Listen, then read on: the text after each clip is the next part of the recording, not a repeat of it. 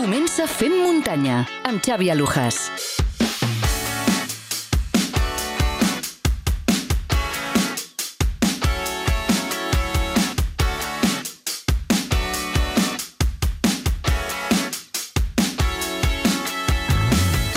Hola, benvingudes i benvinguts al Fem Muntanya, el programa de ràdio podcast dedicat íntegrament a temes relacionats amb la muntanya. Comencem ara mateix el programa ja número 9 i com cada dijous tornem a estar amb tots vosaltres. Moltíssimes gràcies eh, per haver-nos triat i esperem que us agradi el programa que us hem eh, preparat. Si avui és el primer dia que ens escolteu, sigueu benvinguts i que sapigueu que tenim 8 programes més que podeu recuperar a la nostra web femmuntanya.cat o a qualsevol plataforma de podcast.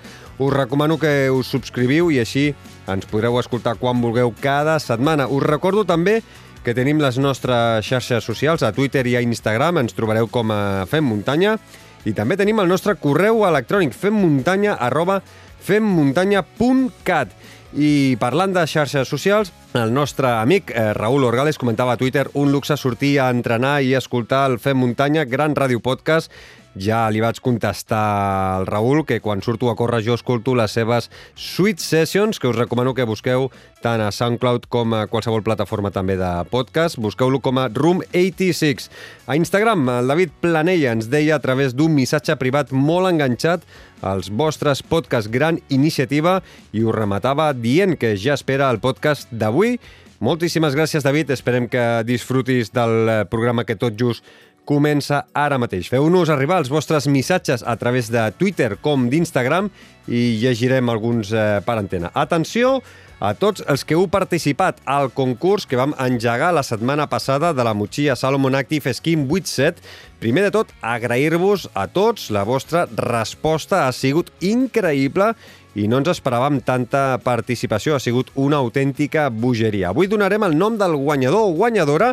Estigueu atents eh, durant tot el programa perquè alguns dels nostres convidats donarà un número i així sabrem qui s'emporta el regal d'aquesta setmana. Sou 132 participants i cadascú de vosaltres teniu un número assignat. Molta sort a tothom!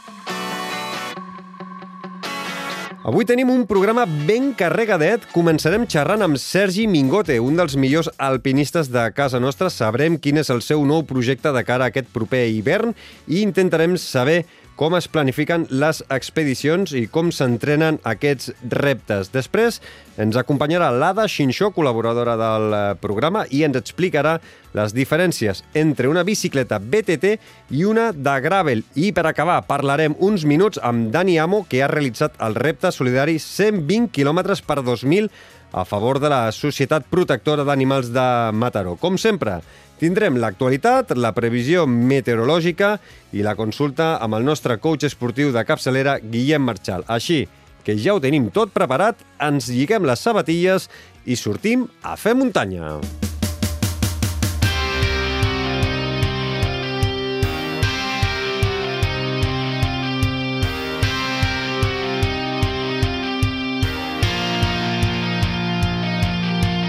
I comencem obrint la nostra web informativa de referència ultrascatalunya.com i saludem a l'Albert Torrent. Hola, Albert, què hi podem llegir aquesta setmana? Hola, Xavi. Les Golden Trail Championship serà un bàlsam en un 2020 per oblidar. Els millors corredors de trail del món competiran a partir de dijous a les Illes Azores en una prova per etapes que sumaran un total de 126 quilòmetres i un desnivell positiu de 6.200 metres, en el que representarà la gran final del circuit de Salomon. Aleix Domènech, Oriol Cardona, Jan Margarit, Eduard Hernández i Gisela Carrion seran els corredors catalans que buscaran pujar al punt més alt del podi. Segons el blog del prestigiós fotògraf Ian Corles, Kilian Jornet estaria disposat a rebaixar el rècord mundial de les 24 hores en pista el proper mes de novembre. Tot i que la notícia va sorprendre a tota la comunitat del trail running mundial, el mateix Kilian Jornet va desmentir la notícia poques hores després, tot i que no descarta enfrontar-se amb un repte com aquest en un futur. El corredor català, que fa unes setmanes va provar la primera prova de 10 km d'asfalt, es troba ara mateix recuperant-se d'una lesió al tibial. I pel que fa a les curses a casa nostra, seguim amb un panorama parat per culpa de les restriccions per la pandèmia. Haurem d'esperar almenys fins al proper 8 de novembre, quan es disputaran fins a tres proves a casa nostra.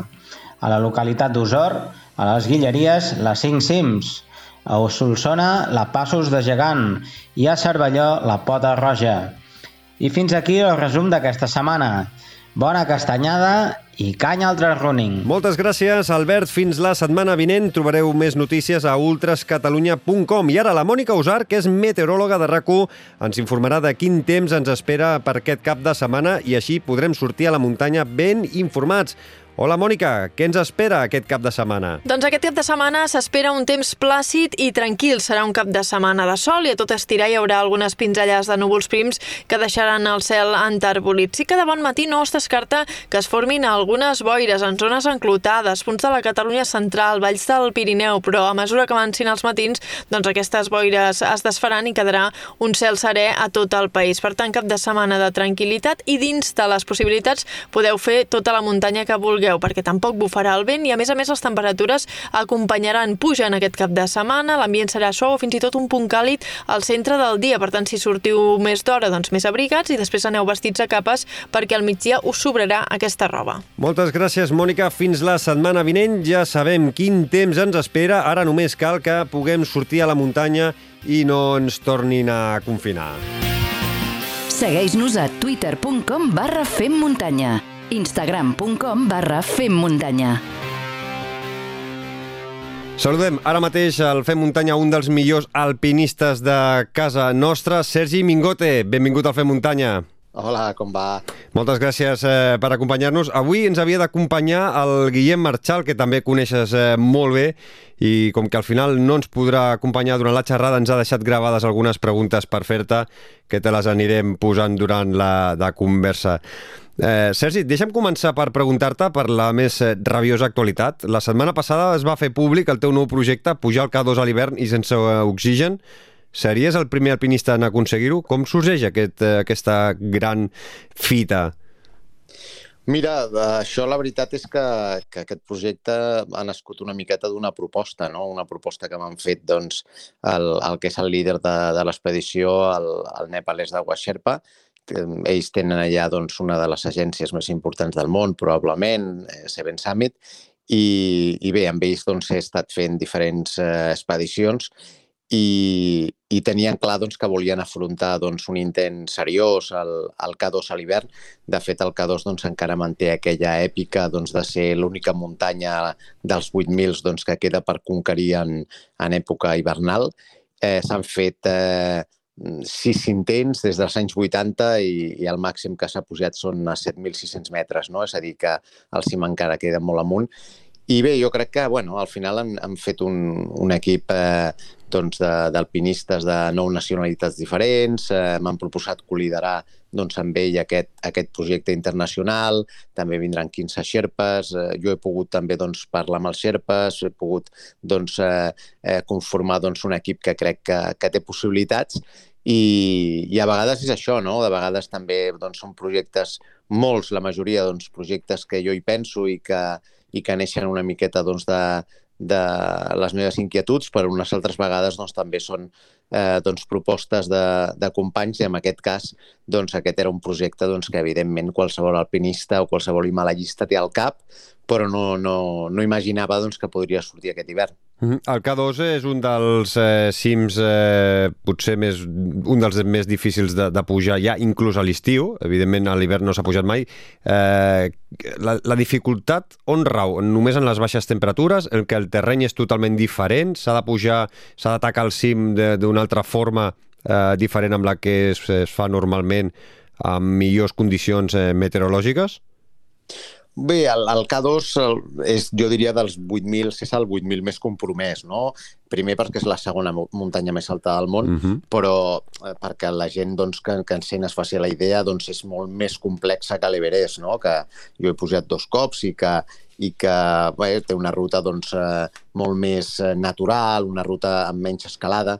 El K2 és una muntanya que això, primer té moltes seccions d'escalada, d'escalada pura, és a dir, d'escalada en roca, d'escalada mixta, eh, amb gel.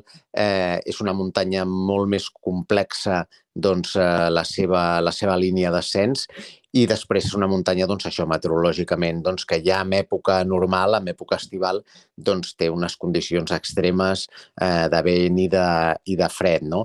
A l'hivern, doncs, tot això es multiplica, no? Jo ara fa pocs dies parlava amb l'Àlex Chicón, amb un company, doncs, que, que ell ho ha intentat, va intentar-ho l'any passat, un alpinista fort, molt fort, que és basc, i em deia, doncs, que havien tingut temperatures inferiors als 50 sota zero, vents superiors als, als 100, 150 km per hora, és a dir, que al final és una expedició extrema que, que bueno, per aquesta raó doncs, mai a la història s'ha pogut fer, no? És a dir, hi ha, hi ha sempre alguns motius.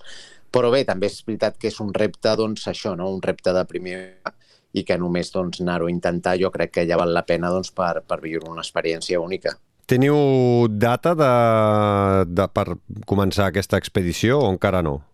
Sí, sí, jo ja, de fet, eh, tinc el visat i, i ja estic amb, amb el tema dels vols. Eh, si tot eh, va bé i aquesta pandèmia ens deixa, doncs jo volaré el dia 19 de desembre cap a, cap a, cap a Pakistà, cap a Islamabad, eh, per arribar el dia 20. Allà a Islamabad ens trobarem tota, tots els expedicionaris, amb tot l'equip, i, i anem a finals de desembre perquè al final volem que sigui doncs, això, una invernal pura. No? Amb això hi ha molta, sempre ha hagut molta discussió sobre si eh, el mes de a principis de desembre o ja dintre del mes de març si era hivern o no era hivern, nosaltres no hem volgut, volgut entrar doncs, amb, aquesta, amb aquesta dubte que pugui haver-hi sobre l'hivern més eh, d'estació, no? I llavors anem, ho fem amb, amb hivern pur, que vol dir que arribarem al campament base doncs, a principis de gener, en, en ple hivern, i marxarem doncs, a finals de febrer, que en un principi l'expedició acabaria el 28 de febrer, que és quan acaba l'hivern més meteorològic. No? Llavors, vol dir que, que serà un intent, un intent al K2 doncs, amb, amb l'hivern pur, que d'aquesta manera doncs, no hi ha cap dubte de, de que hi hagin interpretacions. Mm, l'actualitat més rabiosa parla d'un bitxo, eh, que, el Covid-19. Com creus que podria afectar a tants mesos de feina i com podria afectar a l'expedició? Bueno, si ho fa com ho ha fet amb el projecte 14 per 1000, que és el projecte Ara doncs, que, que jo tinc entre mans, doncs eh, pot afectar tot el que vulgui, no? És a dir, al final eh, jo aquest any tenia que anar a 4, 5, 8 mils, no he pogut anar pel, pel virus, és a dir, només vaig poder anar aclimatar a Xile. Just quan vaig arribar de Xile a, al mes de març, els tres dies doncs van confinar i l'únic que, que he pogut fer aquest any doncs, és l'Olympic Route, que he pogut atravessar Europa doncs, en bicicleta, pujant 20 cims, però va ser un, un projecte doncs, creat en plena pandèmia no? i és l'únic doncs, així esportiu que he pogut fer aquest any. Vull dir que eh, al final pots esperar qualsevol cosa. Eh, si em dius què és el que desitges o què és el que penses, home, penso que, que al mes de desembre les coses han d'estar millor, jo espero que no estiguin pitjor, si més no, i, i que ja no només per aquest projecte, sinó per tothom, no? per tantes famílies que ho estan passant malament i que, i que espero doncs, que al final d'any com a mínim doncs, sigui una mica millor que, que la situació actual. Marxes el 19 de desembre, però em sembla que ja fa unes quantes setmanes que estàs en plena preparació logística. Com, com es porta a terme una expedició d'aquest tipus?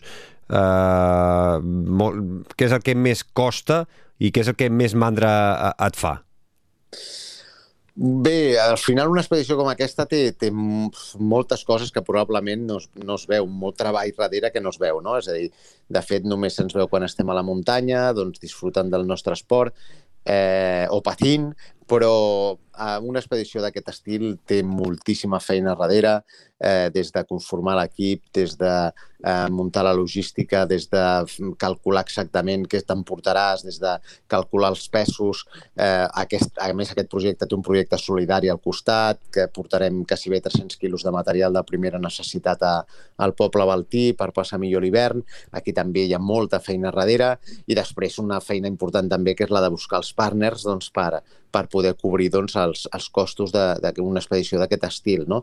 Eh, penso que, a veure, el treball Mandra no em fa res, perquè al final ho faig, eh, això és la meva passió, ara s'ha convertit ja fa un temps en la meva professió i llavors doncs, ho faig amb molt de gust, però sí que és veritat doncs, que els mesos d'abans de qualsevol projecte doncs, són mesos de molta feina, també atendre els mitjans, eh, moltes reunions, moltes trobades... bueno, de fet, hi ha molta, molta... El dia, al final, és, està absolutament eh, atapeït i inclús hi ha dies doncs, que em costa trobar el forat per poder entrenar. Per això t'anava a preguntar jo ara. Avui no he pogut entrenar, sense anar més lluny. Avui ha estat impossible perquè he tingut tot el matí doncs, en videoconferències amb, amb marques, després he tingut entrevistes i, i, i ara que he arribat aquí a casa i, i estic parlant amb tu, no? És a dir, que, que al final avui, per exemple, ha sigut un dia que no, no he tingut doncs, ni un minut eh, doncs bé, demà tocarà jornada doble d'entrenament i seguir preparant les coses.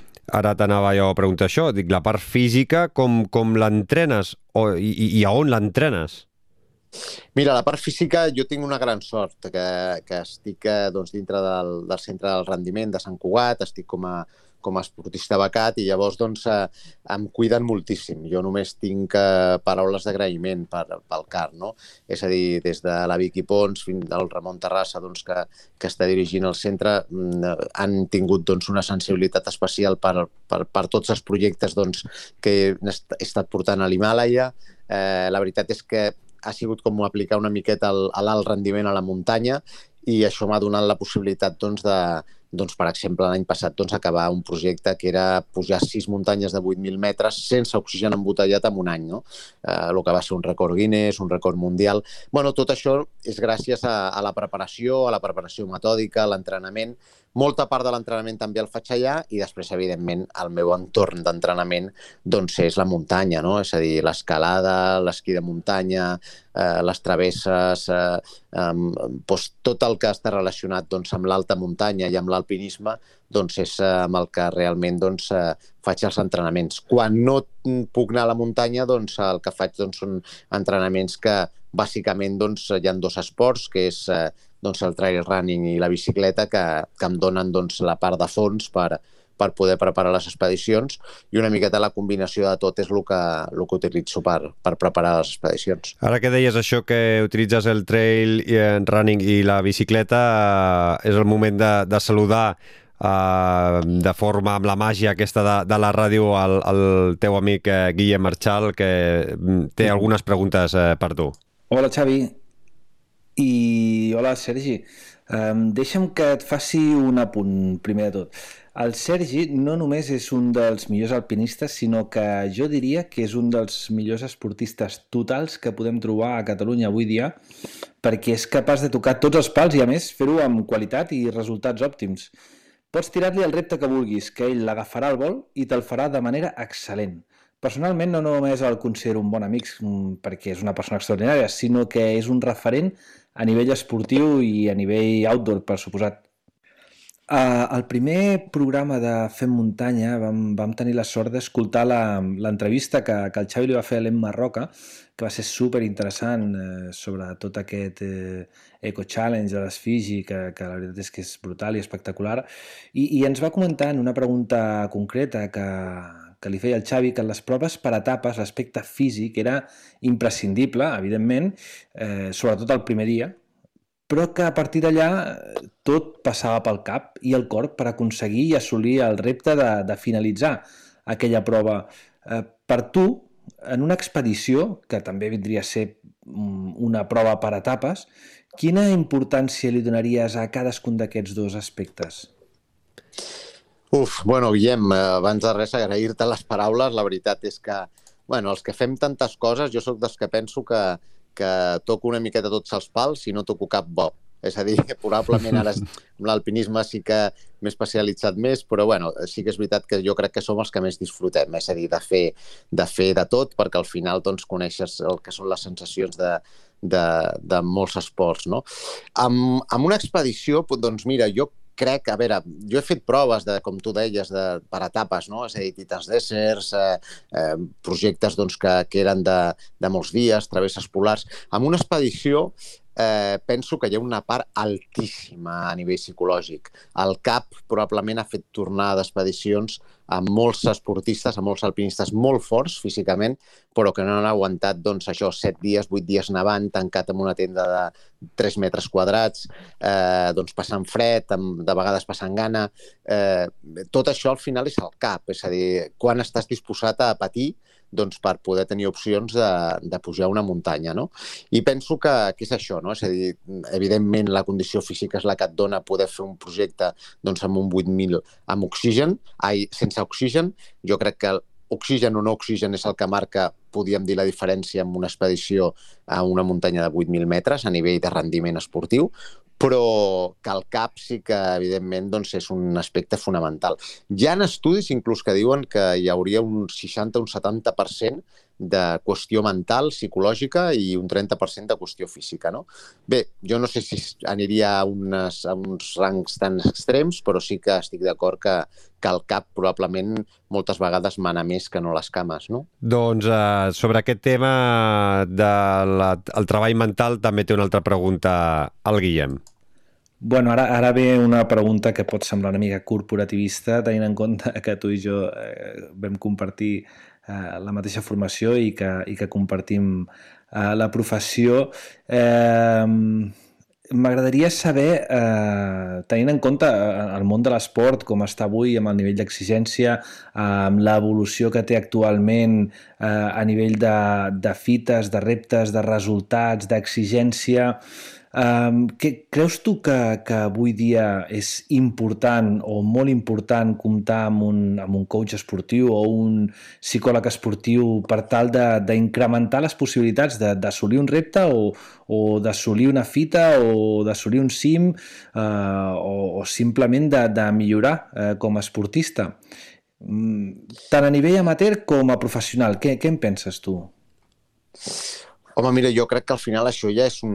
s'ha demostrat, doncs, i, i sense anar més lluny, a part de donar-te la meva opinió, et diré que, que el centre del rendiment doncs, compta amb tots aquests perfils. És a dir, que això vol dir que els esportistes del rendiment, sens dubte, doncs, tenen, a més del seu preparador, del seu dietista, de, dels seus fisios, doncs, tenen els seus coach, eh, els seus eh, psicòlegs, és a dir, que, que tot això suma i suma en positiu amb, amb, amb el rendiment esportiu. No?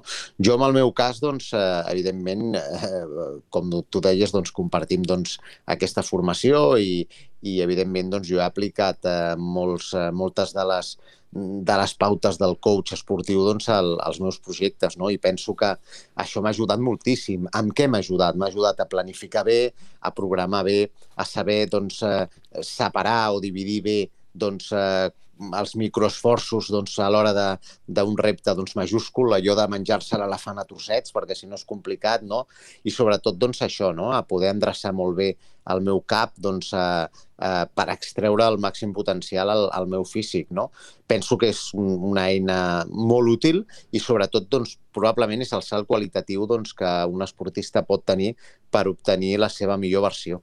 Mm -hmm. Sergi, eh, parlem eh, d'alguns dels teus projectes. Has dit que ara està aturat el projecte 14 per 1000, eh, Catalonia Project Pirineus Barcelona 2030. Recordem que és un repte que consistia en pujar els 14 8.000 del planeta en menys de 1.000 dies, on l'actual mm. rècord mundial està en mans del coreà Kim Jong-ho, que eh, l'any 2013 va deixar la marca en 7 anys, 10 mesos i 6 dies. Ara com ho tens? Eh, l'any passat eh, vas pujar-ne eh, 4, em sembla que has dit? 4 o 5? Mm, sí, sí. I, I ara ho tens aturat? Sí, clar, ara tot aquest any, és a dir, jo, la veritat és que em vaig plantar pràcticament amb 440 dies amb 7. Sí, correcte. Eh, el, el, a l'octubre del, del 19 doncs vaig fer el setè, la cosa pintava molt bé, ja portava la meitat i portava, doncs, no havia arribat a 500 dies, és a dir, anàvem amb un ritme, doncs, aconseguia fer-ho en, en mil dies. Evidentment, doncs, el, el Covid doncs, eh, ha portat a no res doncs, el projecte dels mil dies. Sí que és cert que al final era un número que jo em proposava, és a dir, penso que el, el valor important seria doncs, baixar la marca a l'actual rècord del món, no? que de fet és el rècord oficial de 7 anys i 10 mesos.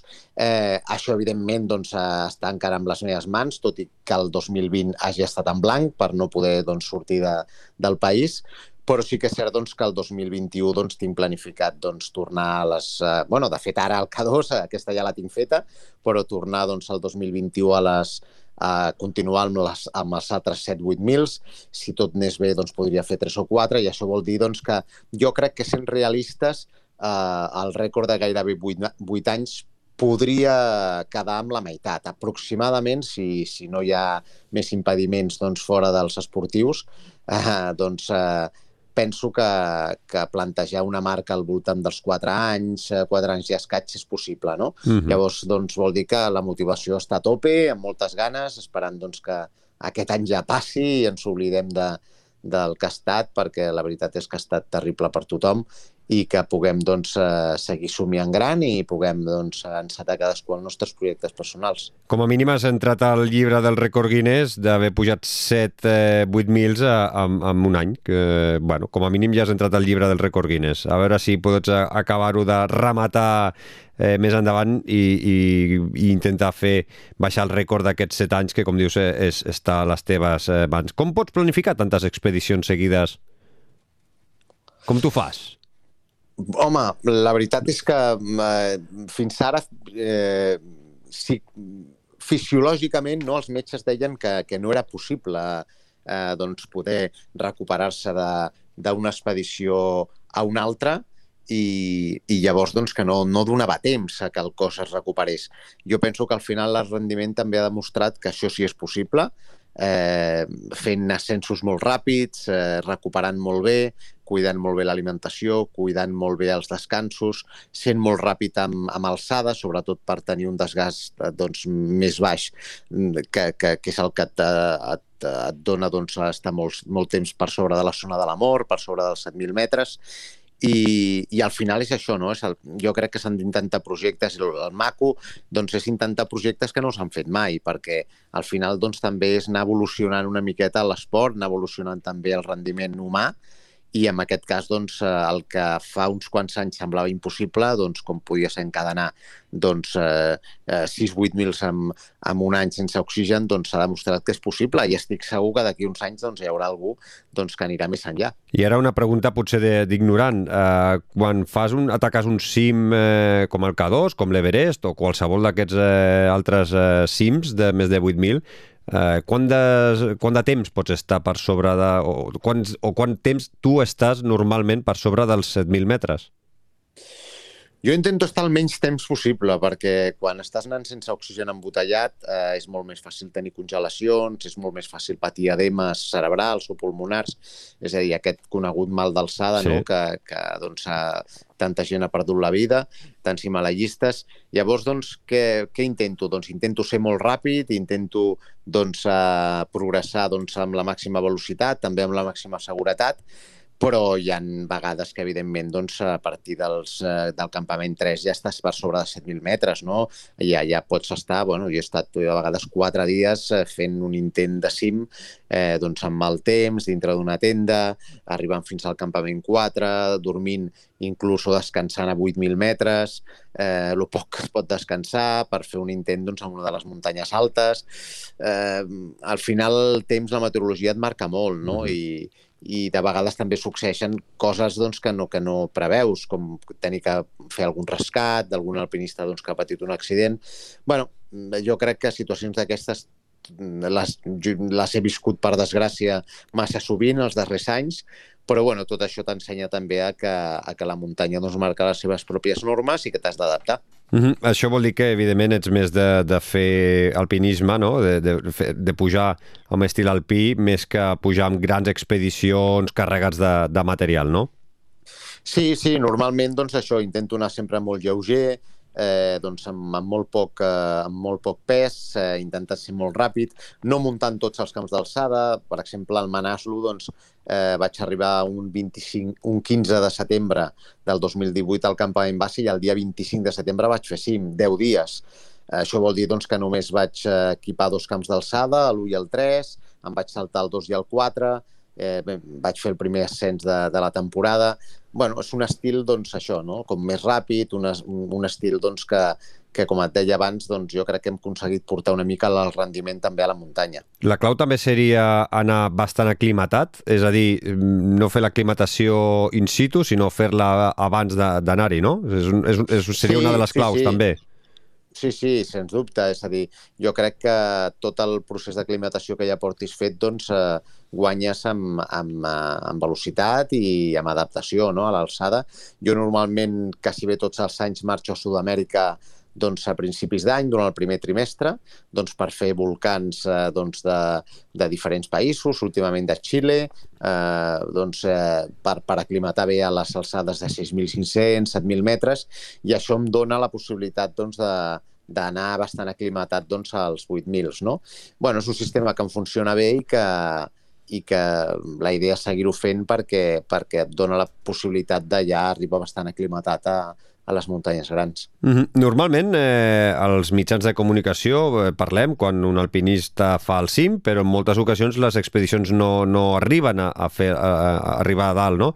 Eh, quina expedició recordes que fos realment dura i que vas haver de tirar enrere ja sigui perquè les coses no, no anaven bé, per culpa de la meteorologia, i, i què et passa pel cap quan has de renunciar a fer cim? Bueno, al final jo penso que, que la renúncia és, és un aprenentatge més, no? A la muntanya està clar que t'ensenya molt a, a, doncs a, a renunciar, t'ensenya molt a prendre les decisions més adequades, és una escola no, d'aprenentatge a la muntanya. El fracàs al final està sempre, sempre t'acompanya perquè, perquè és molt fàcil el, el no pujar un cim d'aquestes dimensions. No? Jo recordo, per exemple, l'expedició al Lotse, a la quarta muntanya doncs, més alta, més alta del món.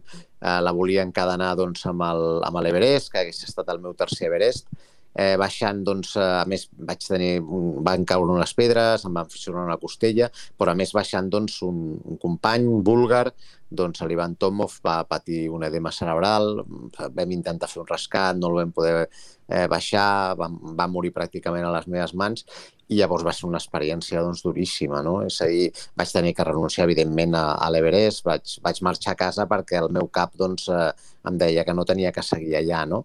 Llavors, doncs, tot això t'ensenya també, t'ensenya que en depèn quins moments doncs, és millor renunciar que seguir si no estàs al 100% de les teves condicions, de pensar que hi ha doncs, qualsevol eh, cosa que no estigui alineada, qualsevol cosa que no estigui amb, amb el seu lloc a nivell mental, a nivell físic, doncs evidentment no, no et fa que no puguis plantejar una muntanya d'aquestes doncs, sense utilitzar oxigen embotellat i, i llavors doncs, el meu projecte evidentment doncs, eh, té aquesta premissa i, i, i la renúncia doncs, ha estat doncs, eh, eh, doncs, eh, també m'ha acompanyat amb algunes muntanyes. No? El Gasherbrum, per exemple, vaig fer el Gasherbrum 2, però el Gasherbrum 1 vaig tenir que renunciar, va agafar-me doncs, un, un temporal de vent i neu doncs, pujant al campament 3, estava sol, eh, em va costar molt baixar.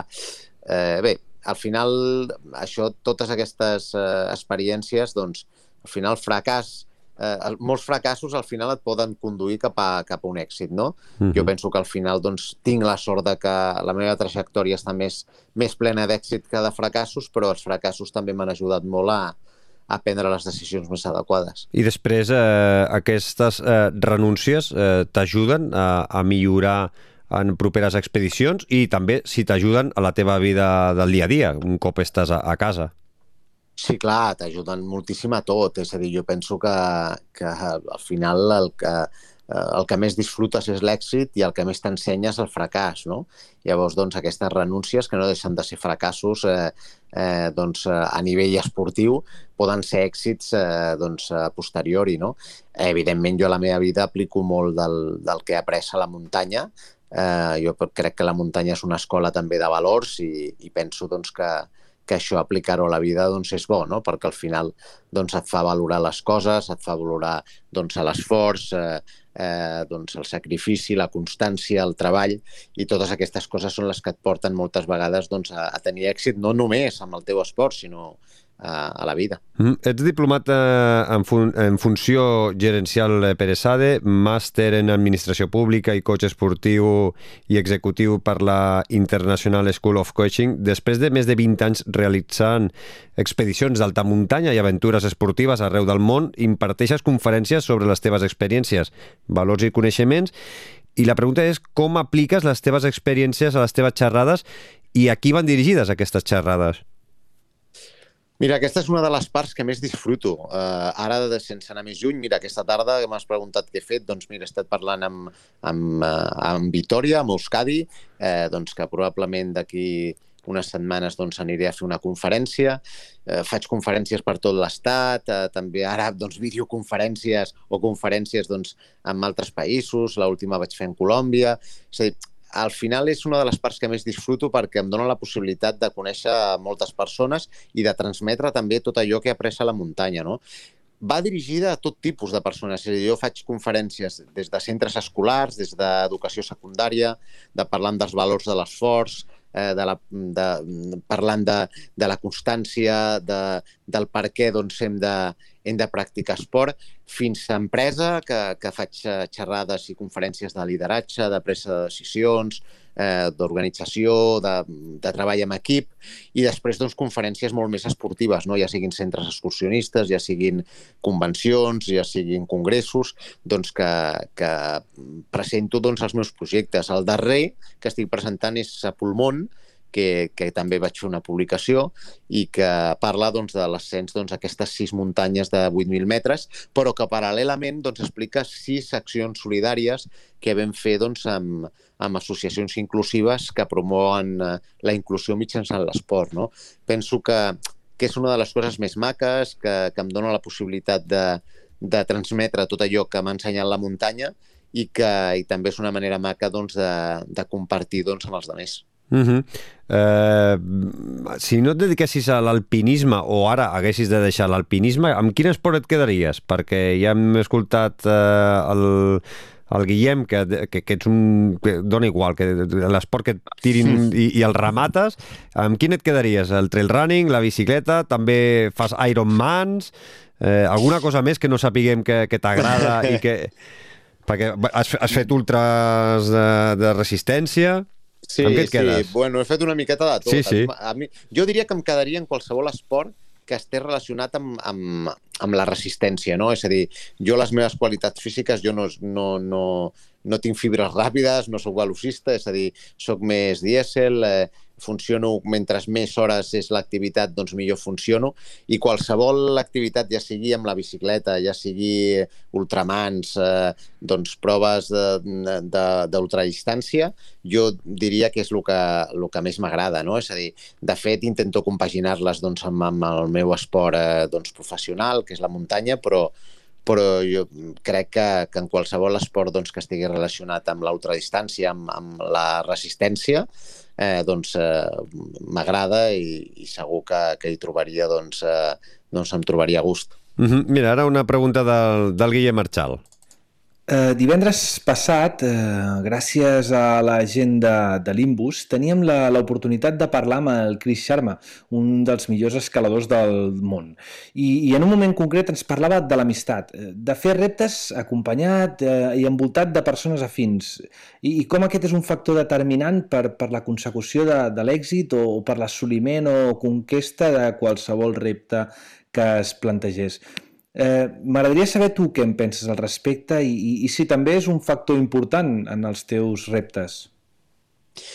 Sí, sens dubte, Guillem. Jo penso que, que al final, dintre de qualsevol activitat esportiva, doncs el, el trobar-te motivat, el trobar-te gust, el tenir doncs, un bon company de viatge, això és garantia de, d'èxit, no? o si més no, de, de poder afrontar doncs, mentalment molt millor els projectes. Jo, de fet, ara al K2 doncs, vaig amb un company, amb el Carlos Garranzo, un company que, que ha estat amb l'Otse, que estat també a, a, a Berès, que hem, que hem estat a, a moltes eh, muntanyes junts i que, i que és una persona de la meva confiança, amb la que em sento molt a gust i llavors doncs, tenir companys de, de viatge doncs, que, que, que són els que realment doncs, també et fan passar bé aquells moments doncs, que, que probablement doncs, tens eh, doncs, eh, moments de més desmotivació o, o estàs passant per moments dolents, doncs és fantàstic. No?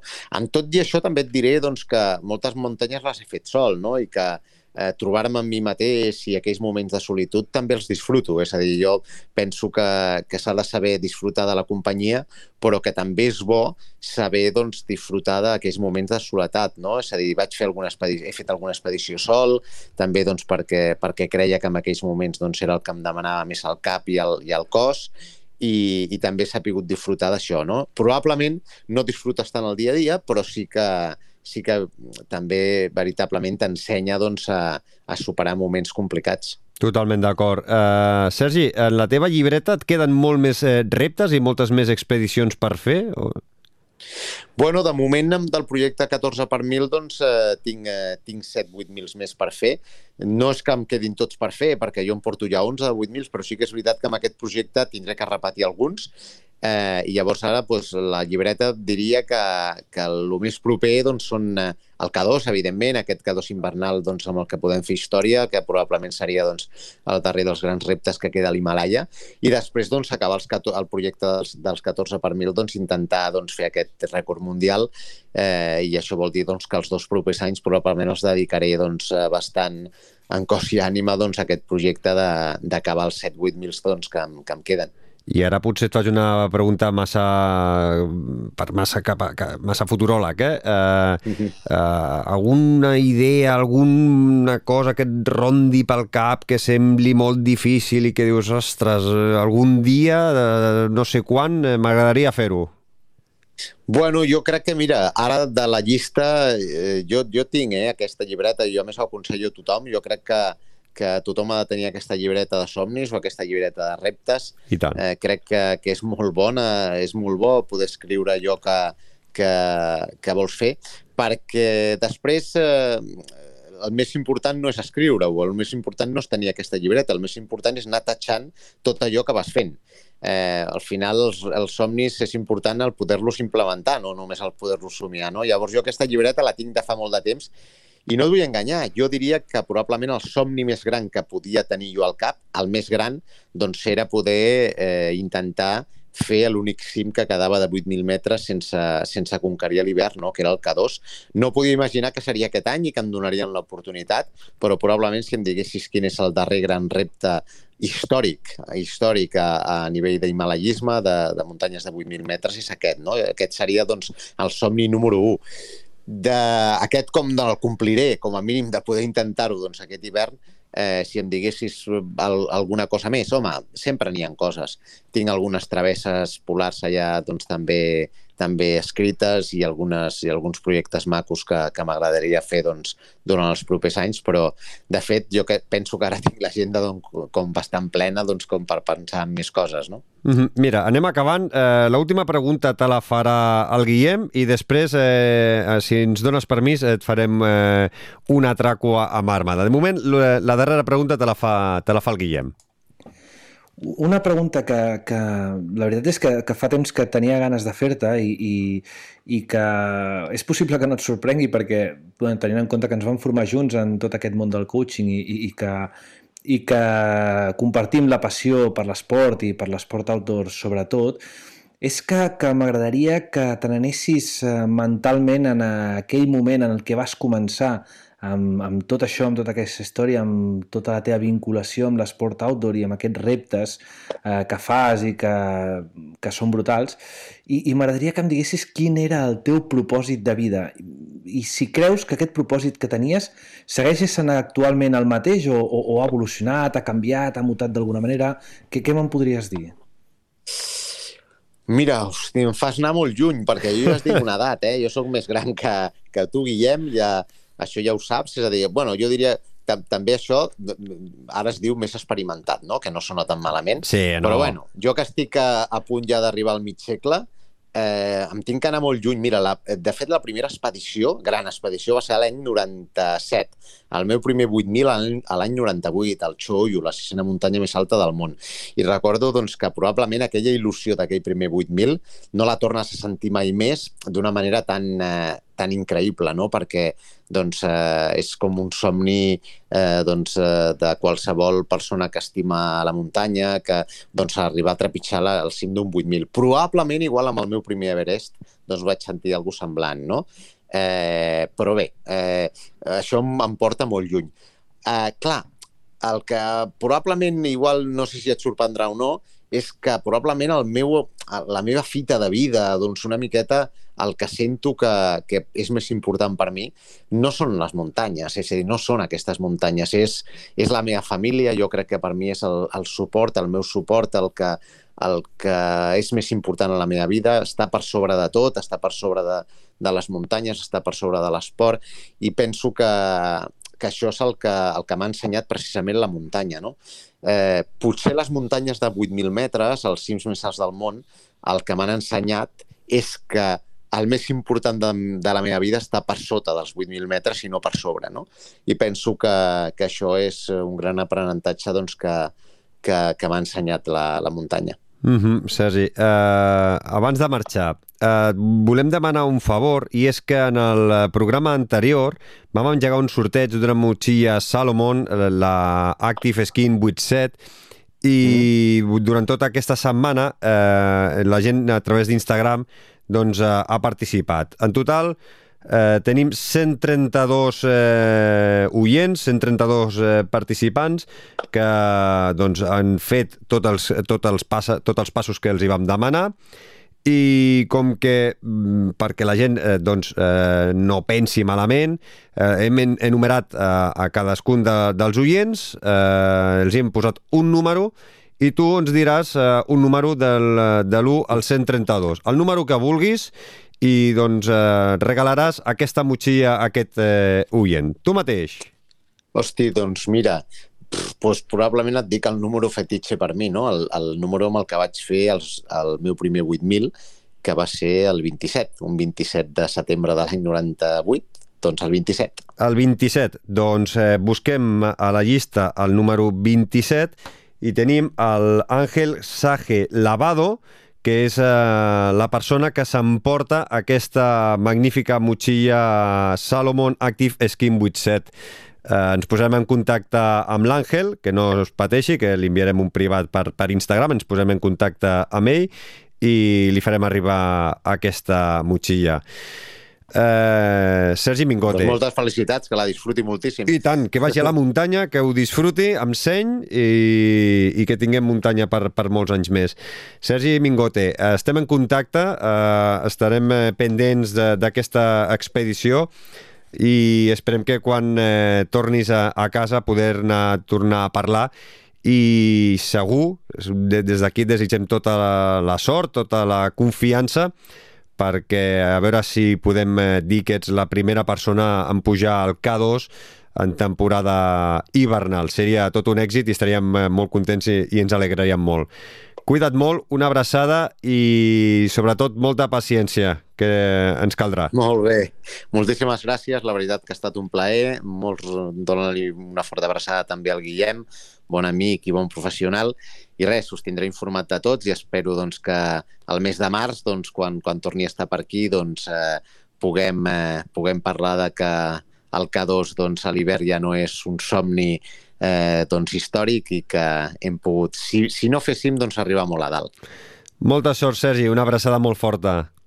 Molt bé, una abraçada forta. Subscriu-te al podcast de Fem Muntanya. Saludem a la col·laboradora del Fem Muntanya i especialista en bicicleta de muntanya, Ada Xinxó. Benvinguda de nou al Fem Muntanya, Ada.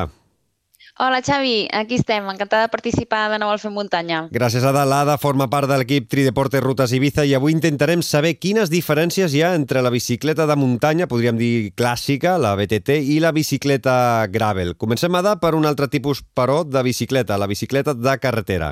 Sí, bueno, tothom té el cap eh, que és una bici de carretera, no? Bàsicament una bici pensada per rodar per asfalt, pneumàtics estrets i llisos i sense suspensions, així a grans trets. Eh, com les que veiem els diumenges per les carreteres o per la tele durant el Tour de France. Sí, ara que és un mes d'octubre amb ciclisme cada dia, cada dia durant 31 dies eh, entre el sí. Giro, la Volta a Espanya que comença el 23 d'octubre, si no vaig equivocat, i també les clàssiques que es fan a la primavera també s'estan fent ara durant el mes d'octubre. Correcte. Després de la bicicleta de carretera tenim també la, la bicicleta de, de muntanya o BTT, oi? Exacte. La BTT o mountain bike és una bici pensada per rodar per la muntanya. Uh, per tant, per adaptar-se a un terreny molt més variat, no? pistes, senders, zones tècniques, que pots trobar-te doncs, sorra, grava, rels, roques, tot tipus d'obstacles. Són bicis amb pneumàtics més amples i taquejats i solen portar uh, suspensions. Si només té suspensió davant, llavors se'n diu rígida, o si en té davant i darrere, és una bici de muntanya de doble suspensió. Ara faré una pregunta una mica uh, de, bueno, d'ignorant. Uh, aquelles bicicletes més antigues que no tenien cap suspensió o encara es porten o això ja ha quedat uh, a dalt dels altells? Per anar per la muntanya, diguéssim, sí, que abans aquelles no antigues de. BTT, sí. Bueno, um, vindria a ser també una miqueta el que avui en dia és el gravel, no? El que passa que abans, com que no hi havia, no hi havia suspensions, no hi, no hi havia res més, doncs es feia tot el tipus de, de bicicleta amb les bicis que tenien. Que eren sense suspensions? Doncs feien bicicleta a muntanya sense suspensions. I també feien, per exemple, descens, d'aquests que és només baixar per la muntanya, ho feien amb bicis amb unes suspensions molt senzilles o sense suspensions, suspensions al principi. Vull dir que, clar, després evoluciona el material i, i ens quedem amb lo bo. Sí, sí, estem parlant de fa més de 25 anys quan eh, vaig començar a anar amb bicicleta de muntanya, que no eren d'aquelles rígides, però rígides de, de, de, de nassos. Eh? I després Totalment. tenim la, la bici de, de gravel. Quin tipus de bici seria? Una un mix entre les bicis de carretera i les, i les de muntanya, les BTT? Sí, vindria a ser això. I vindria a ser una miqueta també com la bici aquesta que dius doncs, de, dels anys 80, no? que feia servir per la muntanya i que no tenia suspensions. A veure, la gravel, um, que està molt de moda avui en dia, Uh -huh. és això, un tremig entre les dues modalitats eh, que hem comentat. És una moda que per variar arriba dels Estats Units i és una bici pensada com per fer llargues tirades per pistes de grava, d'aquí el nom, Uh -huh. um, però per camins forestals, combinant la rapidesa d'una bici de carretera amb la comoditat d'una bici de muntanya. Uh, són bicis que en general estèticament recorden més a una bici de carretera que de muntanya perquè això, el que dèiem, no tenen suspensions i els pneumàtics són més amples que els de carretera però més estrets que els de muntanya i solen tenir una mica de taquejat. A mi el que més em crida l'atenció és que, sobretot, el, el manier, suposo que ara ho explicaràs, no? És, és, sembla, és idèntic gairebé, pels que no en sabem, eh? Idèntic a la, a la bici de carretera. És a dir, té la, la, la forma aquesta rodona a les Corbada puntes. Sí. cap avall. Normalment el manillar és això, ens recorda una bici de carretera perquè és aquest corbat que va cap avall, però si t'hi fixes, hi ha algunes bicis de gravel que aquesta curvatura cap a baix mm, és com més ampla, es va obrint aquest manillar. Així li dona més estabilitat i control i tens més control sobre la bici i és més còmode també. Però, per exemple, la meva bici de gravel té un manillar exactament igual que un de carretera, no és més ample. Uh -huh. Val? Llavors, no sé, altres coses normalment porten frens de disc, Um, el pas de roda um, és més ample que una bici de carretera per poder dur pneumàtics més gruixuts um, i sol ser una geometria bastant confortable, o sigui, menys racing, menys que de carreres que una bici de carretera. Uh -huh. I normalment porten un o dos plats. I després del tema de pinyons ja depèn del que tu li vulguis posar, no? La relació plats-pinyons depèn del que tu li vulguis posar. Correcte. Um, solen venir... bueno, hi ha una miqueta de tot, no? Però, per exemple, la meva ve amb un, amb un desenrotllo, una relació de, de, de canvis bastant similar a una bicicleta de carretera, cosa que la fa una miqueta dura per les pujades que et puguis trobar a la muntanya. Però això ho podria canviar. Vull dir, podria agafar i posar-li una pinyonera amb uns pinyons més grans que em facilitaria, doncs, amb les pendents, eh, poder pujar més fàcilment en pendents més pronunciades. Uh -huh. I es fa curses també de, de bicicletes de, de gravel? Um, se n'estan fent, tot i que inicialment el concepte de bici de gravel, de gravel perdona, um, no està pensat per competir. És una bici pensada per descobrir, per anar a l'aventura. Allò que dius un dia surts i no Xulo. saps on acabaràs, Ahà. saps? Dir, va, me'n vaig a, amb la bici i, ostres, amb la bici de carretera no puc anar perquè si després em foto per un camí, com m'ho faig amb una bici de carretera? I, no, doncs llavors agafes aquesta bici que és apta per qualsevol tipus de terreny i surts a divertir-te i a l'aventura.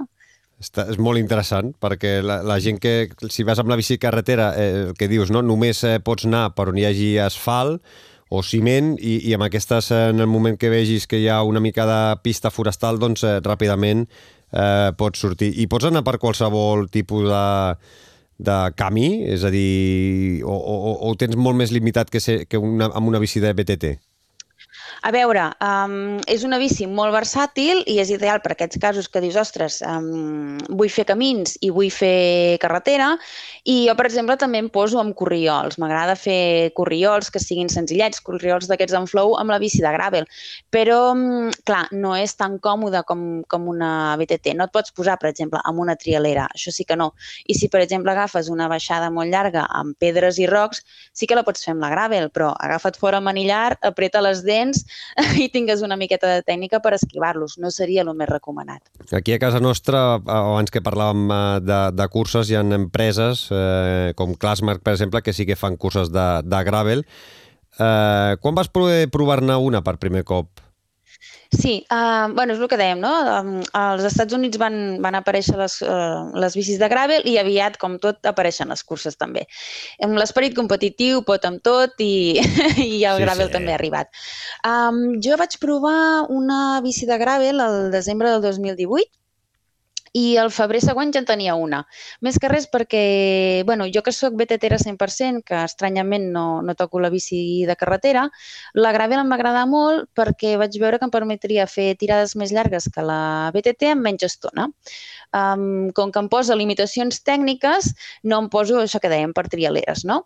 I tot i que sí que em poso per corriols, però en general avanço per camins més bons i per tant doncs, vaig més de pressa i em permet entrenar més tirades, més tirades llargues. Llavors, Així com... Digues, digues. Llavors, per, a l'hora de fer, per exemple, entrenaments, eh, per què la utilitzes, la, la bicicleta de, de gravel? Per fer més fons, tirades llargues, no tant, treballar tant la tècnica?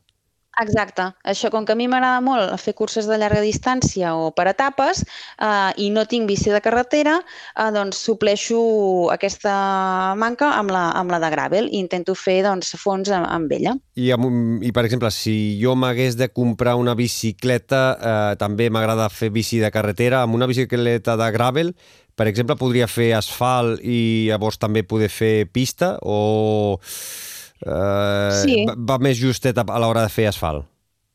Um, bueno, de fet, hi ha, hi ha gent que, si per exemple tu no ets de només fer carretera, pots tenir una, una bicicleta de gravel i hi ha gent que, per exemple, té dos jocs de rodes. Uh -huh. Unes rodes muntades només amb pneumàtics llisos de carretera i estratets i un altre joc de rodes amb pneumàtics més amples o anar canviant cobertes segons el que vulguis fer en aquell moment. O sigui que només amb la bicicleta de gravel i amb quatre, o sigui, amb dos parells de, de jocs de, de pneumàtics, amb això ja podries uh, fer asfalt, si vols fer un dia només asfalt, asfalt i si vols fer asfalt i pista, llavors eh, poses els pneumàtics, les rodes de, de, de gravel, Correcte. no?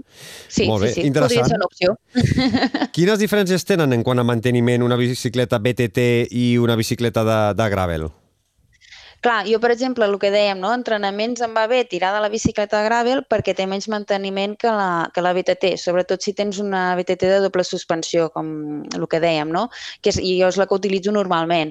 Um, clar, s'ha de tenir en compte que els recanvis i les reparacions no són precisament barats de la, de la BTT, així que la, que la, la gravel és una, una molt bona aliada pels entrenaments perquè requereix menys manteniment. Clar, Evidentment... disculpa, disculpa a, a més a més, llavors, ara et pregunto, uh, la, en una bicicleta BTT, eh, tu que portes molts anys a, a sobre d'una, eh, què és el que més s'espatlla? Les punxades, els frens, eh, les cadenes, els canvis... Eh, què és el que s'espatlla més sovint en una bicicleta BTT?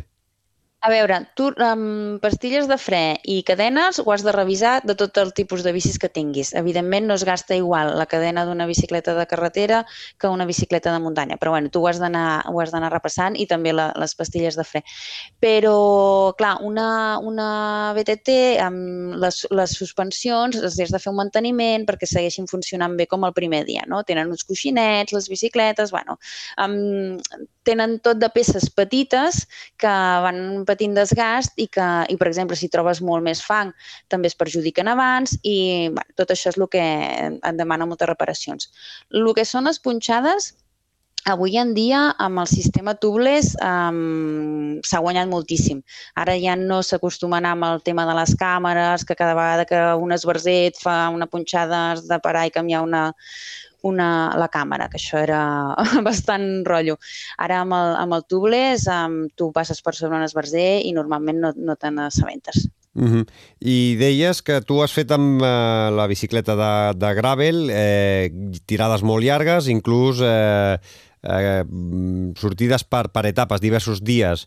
És una de les avantatges que té la, la, la gravel, no?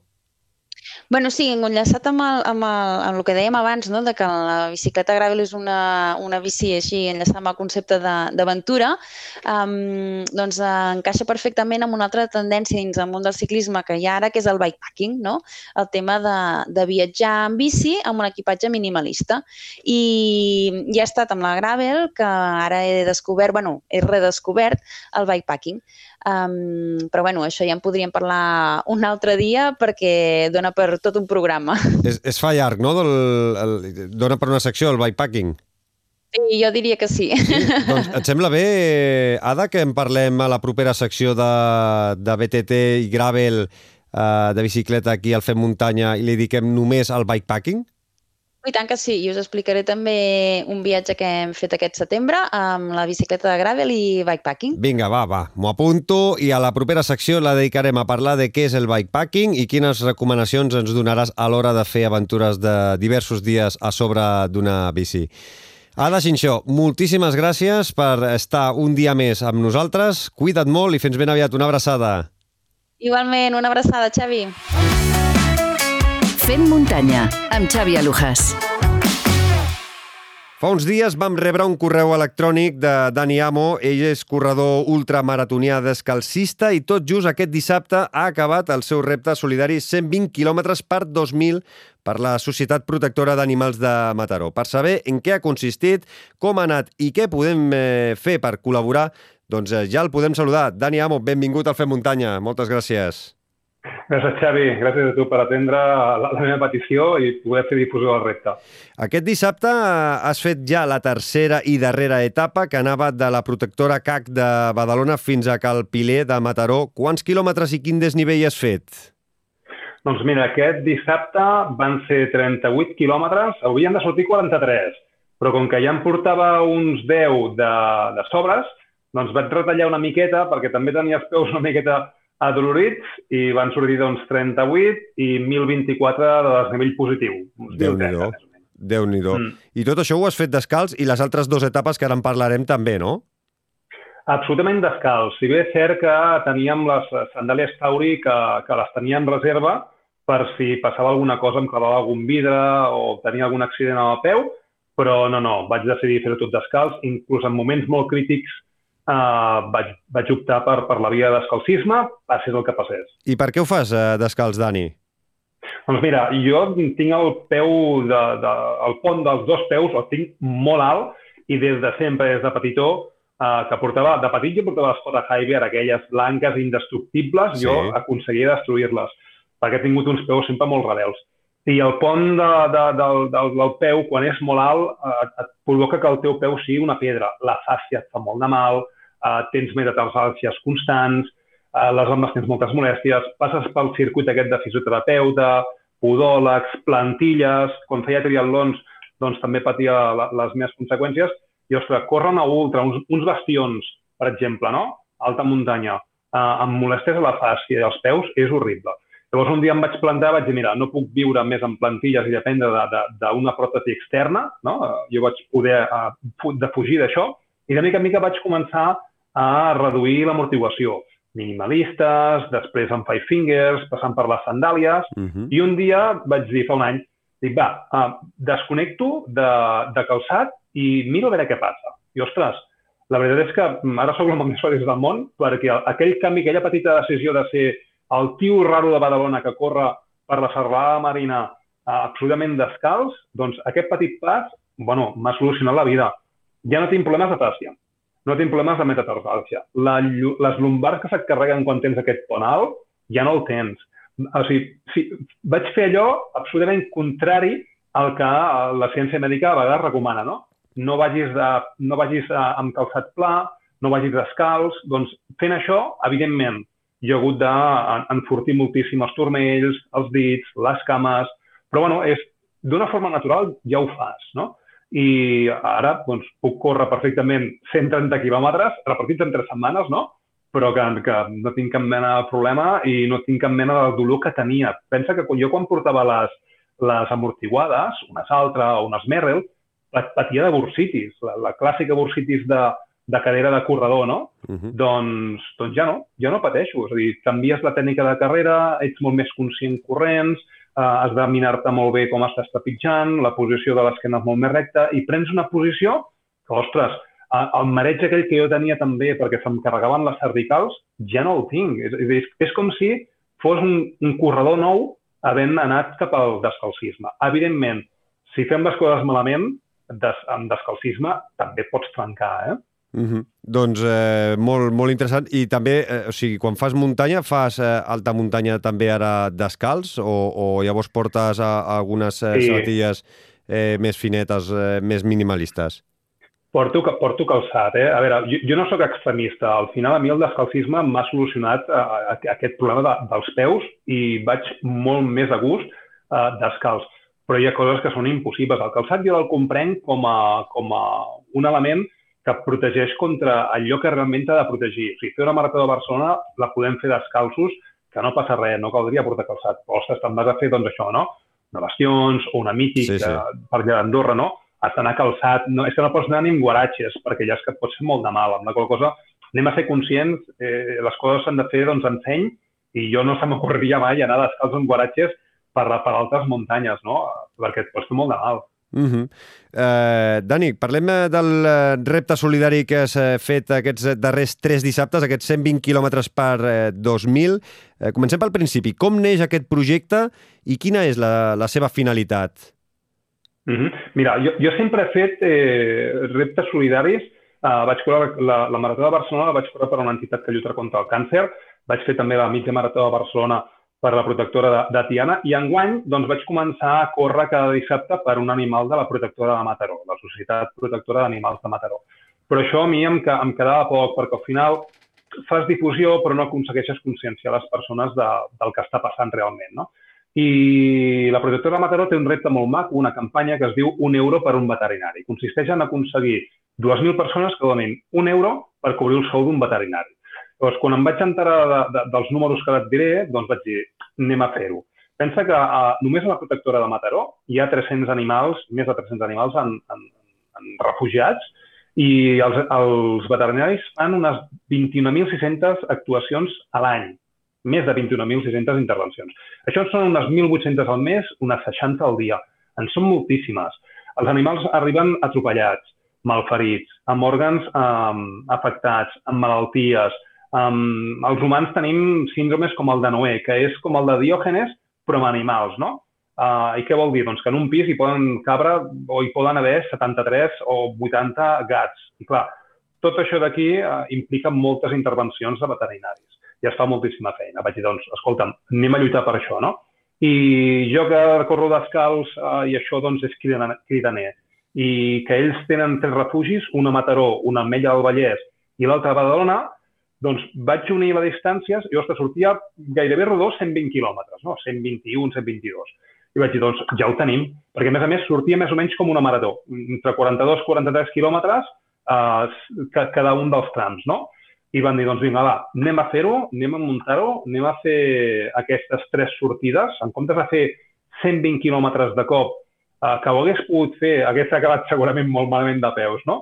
Però ho hagués acabat, eh, però hagués sigut només un cap de setmana, van dir, ho farem en tres caps de setmana, amb la qual cosa podem ten tenir més difusió, més temps per difondre, perquè al final no es tracta que les persones donin 10 euros o 50 euros, sinó que eh, es comprometin amb la causa. És dir, el, el que hem aconseguit és que més de 250 persones, ara tenim 1.381 timers, de fet em sembla que ara en tenim 5 més, eh, s'han adherit a la causa i això és molt important.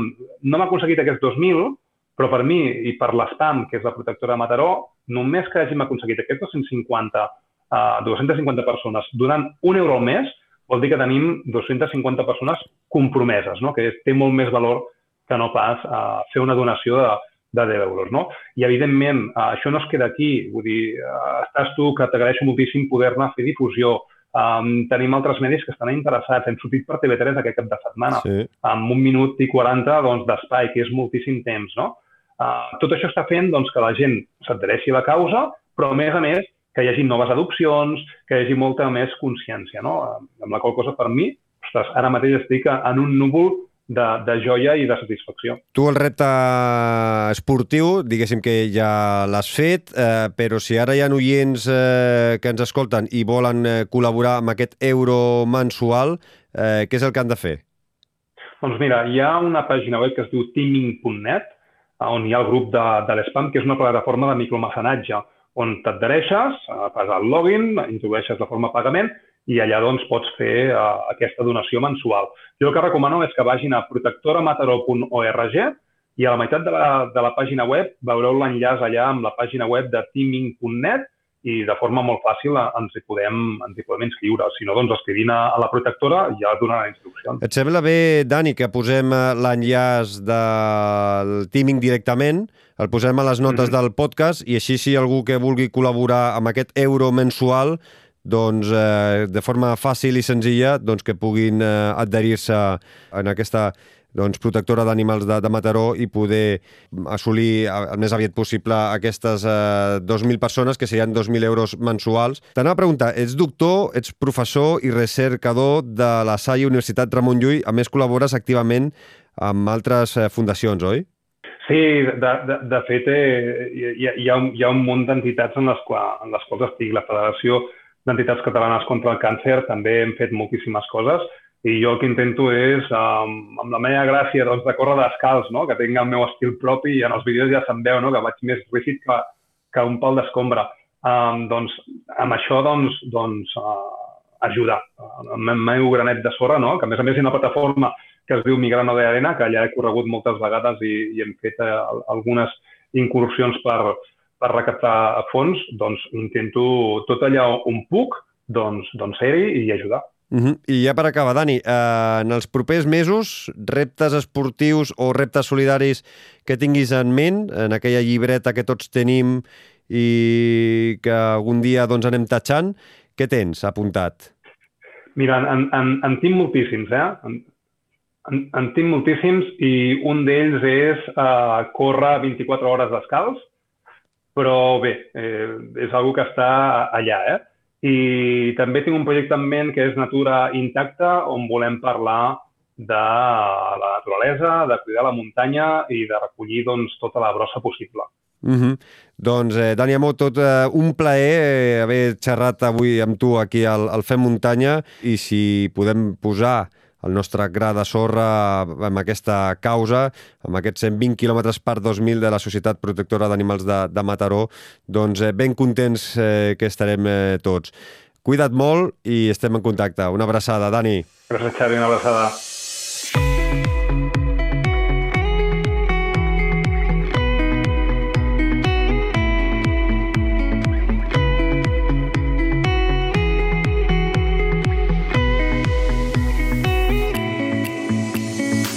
Arribem al final d'aquest Fem Muntanya número 9 i us volem donar les gràcies per haver escoltat tot el programa. Si us ha agradat, podeu compartir-ho a través de les vostres xarxes socials i ens podeu recomanar els vostres grups de WhatsApp.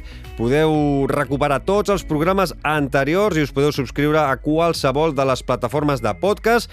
També tenim la nostra web femmuntanya.com, allà trobareu tots els programes i tota la informació de cadascun de, dels eh, programes. Busqueu-nos i etiqueteu-nos a les nostres xarxes socials, tant a Twitter com a Instagram. Ens trobareu com eh, Fem Muntanya. Estarem encantats de llegir-vos i saber què en penseu del programa i saber quins temes són els que més us interessen i més us agraden. Teniu disponible també el nostre correu electrònic femmuntanya arroba femmuntanya.cat. Enhorabona a l'Àngel Sage Lavado, que és el guanyador de la motxilla Salmon Active Skin 8-7. Si no heu tingut sort, no patiu que periòdicament anirem eh, fent sortejos. Estigueu atents a les nostres eh, xarxes socials i sobretot, sobretot, al nostre programa. Acabaré agraint la feina de tot l'equip que l'ha fet possible, l'Albert Torrent, el Guillem Marchal, la Mònica Usar, l'Ada Xinxó, el Sergi Mingote i també el Dani Amo. De debò, moltíssimes gràcies a tots per ser-hi. Una salutació de qui us ha parlat, Xavi Alujas. Ha sigut tot un plaer. Tornem dijous vinent amb més històries i, sobretot, molta més muntanya. Fins llavors, gaudiu de la setmana amb salut, seny i muntanya i atenció perquè acabarem, però no abans, sense passar per la consulta del nostre coach esportiu Guillem Marchal.